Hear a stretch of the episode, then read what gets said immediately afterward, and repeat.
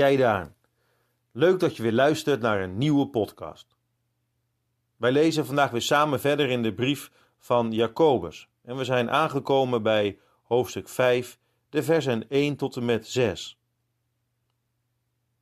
Nu dan, rijken, huil en jammer over de ellende die over u komt.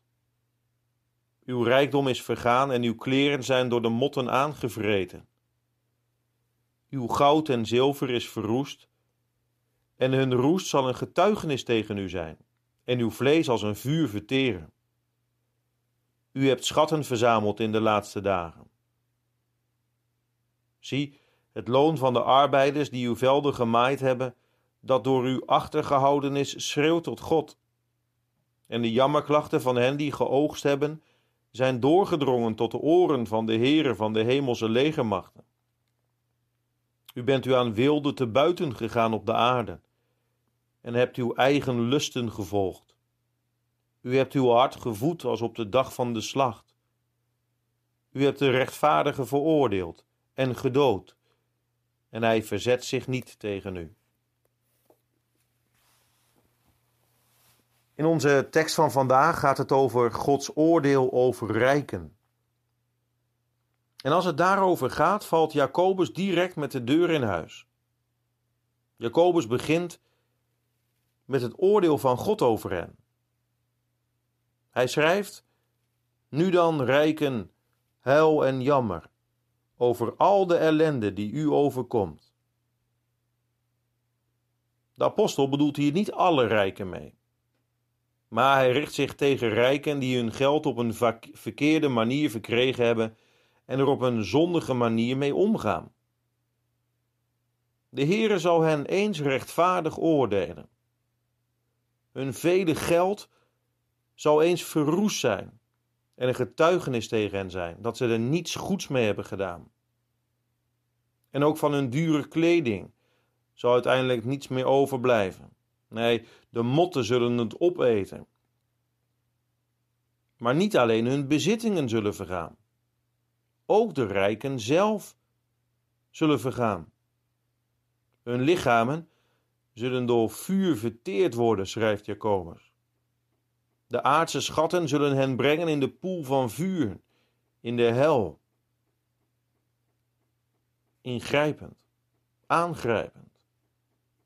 Maar dit oordeel is er dan ook niet zonder reden. Jacobus noemt een aantal van deze redenen.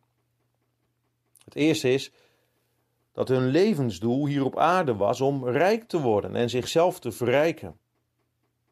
Zij hebben geen schatten in de hemel verzameld, maar op de aarde. En vervolgens hebben zij zichzelf verrijkt op een hele oneerlijke manier. Deze rijken zijn namelijk rijk geworden over de rug van andere mensen, over de rug van hun werknemers en van hen die ze inhuurden.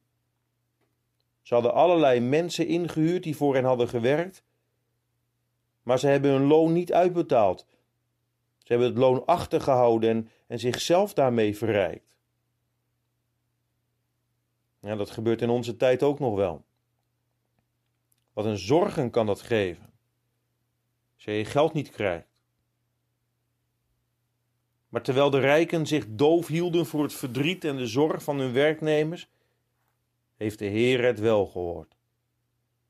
Jacobus schrijft dat de jammerklachten van hen die geoogst hebben, zijn doorgedrongen tot de oren van de Heere van de hemelse legermachten. Eens zal iedereen aan de Heere verantwoording moeten afleggen over hoe hij of zij met zijn werknemers, ZZP'ers, met zijn werkgever is omgegaan. Wij hebben een God die hoort en ziet en eens zal oordelen. Dat is troostrijk voor de rechtvaardigen. Het laatste waar Jacobus bij deze rijken de vinger bij legt, is dat zij zich niet alleen ten koste van anderen verrijkt hebben, ja, maar dat ze er ook nog eens even goed en vrolijk op losleven. Alles wat hun hartje begeert, dat willen ze kopen en hebben ze ook gekocht. De grootste huizen, de dikste auto's, onder het mom van laat ons eten en drinken en vrolijk zijn, want morgen sterven we. Het is niet alleen Jacobus die waarschuwt tegen geldzucht, hebzucht en een verkeerde manier van omgaan met rijkdom. Nee, de Heer Jezus had er al eerder voor gewaarschuwd, toen hij zei: Verzamel geen schatten voor jezelf op de aarde, waar mot en roest ze verderven, en waar dieven inbreken en stelen.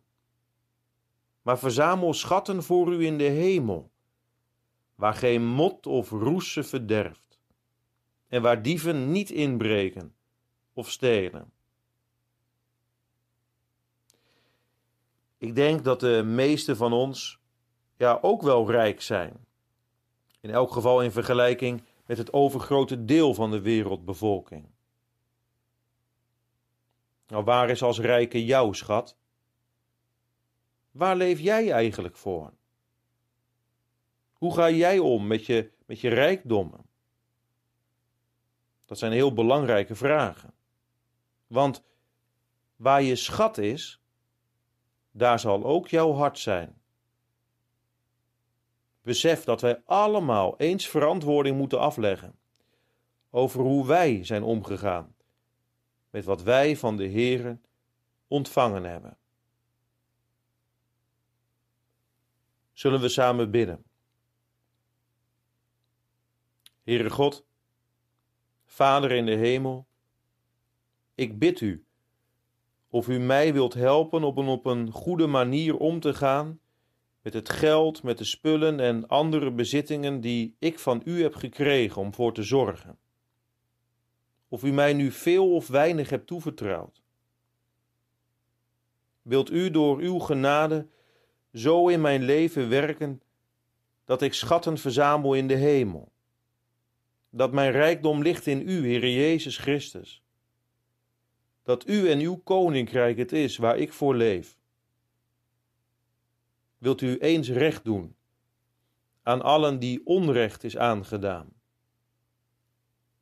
Wilt u zijn met hen die zorgen hebben over geld of goed.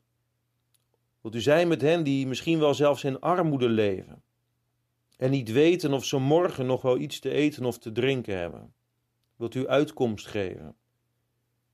En wilt u geven, heren, dat wij door het geloof elke keer weer mogen zien dat wij alles hebben in u. In voorspoed en in tegenspoed, in rijkdom of in armoede. Dat wij in u het eeuwig leven hebben, eeuwig rijk, voor altijd. Ik bid u dit in Jezus' naam alleen. Amen.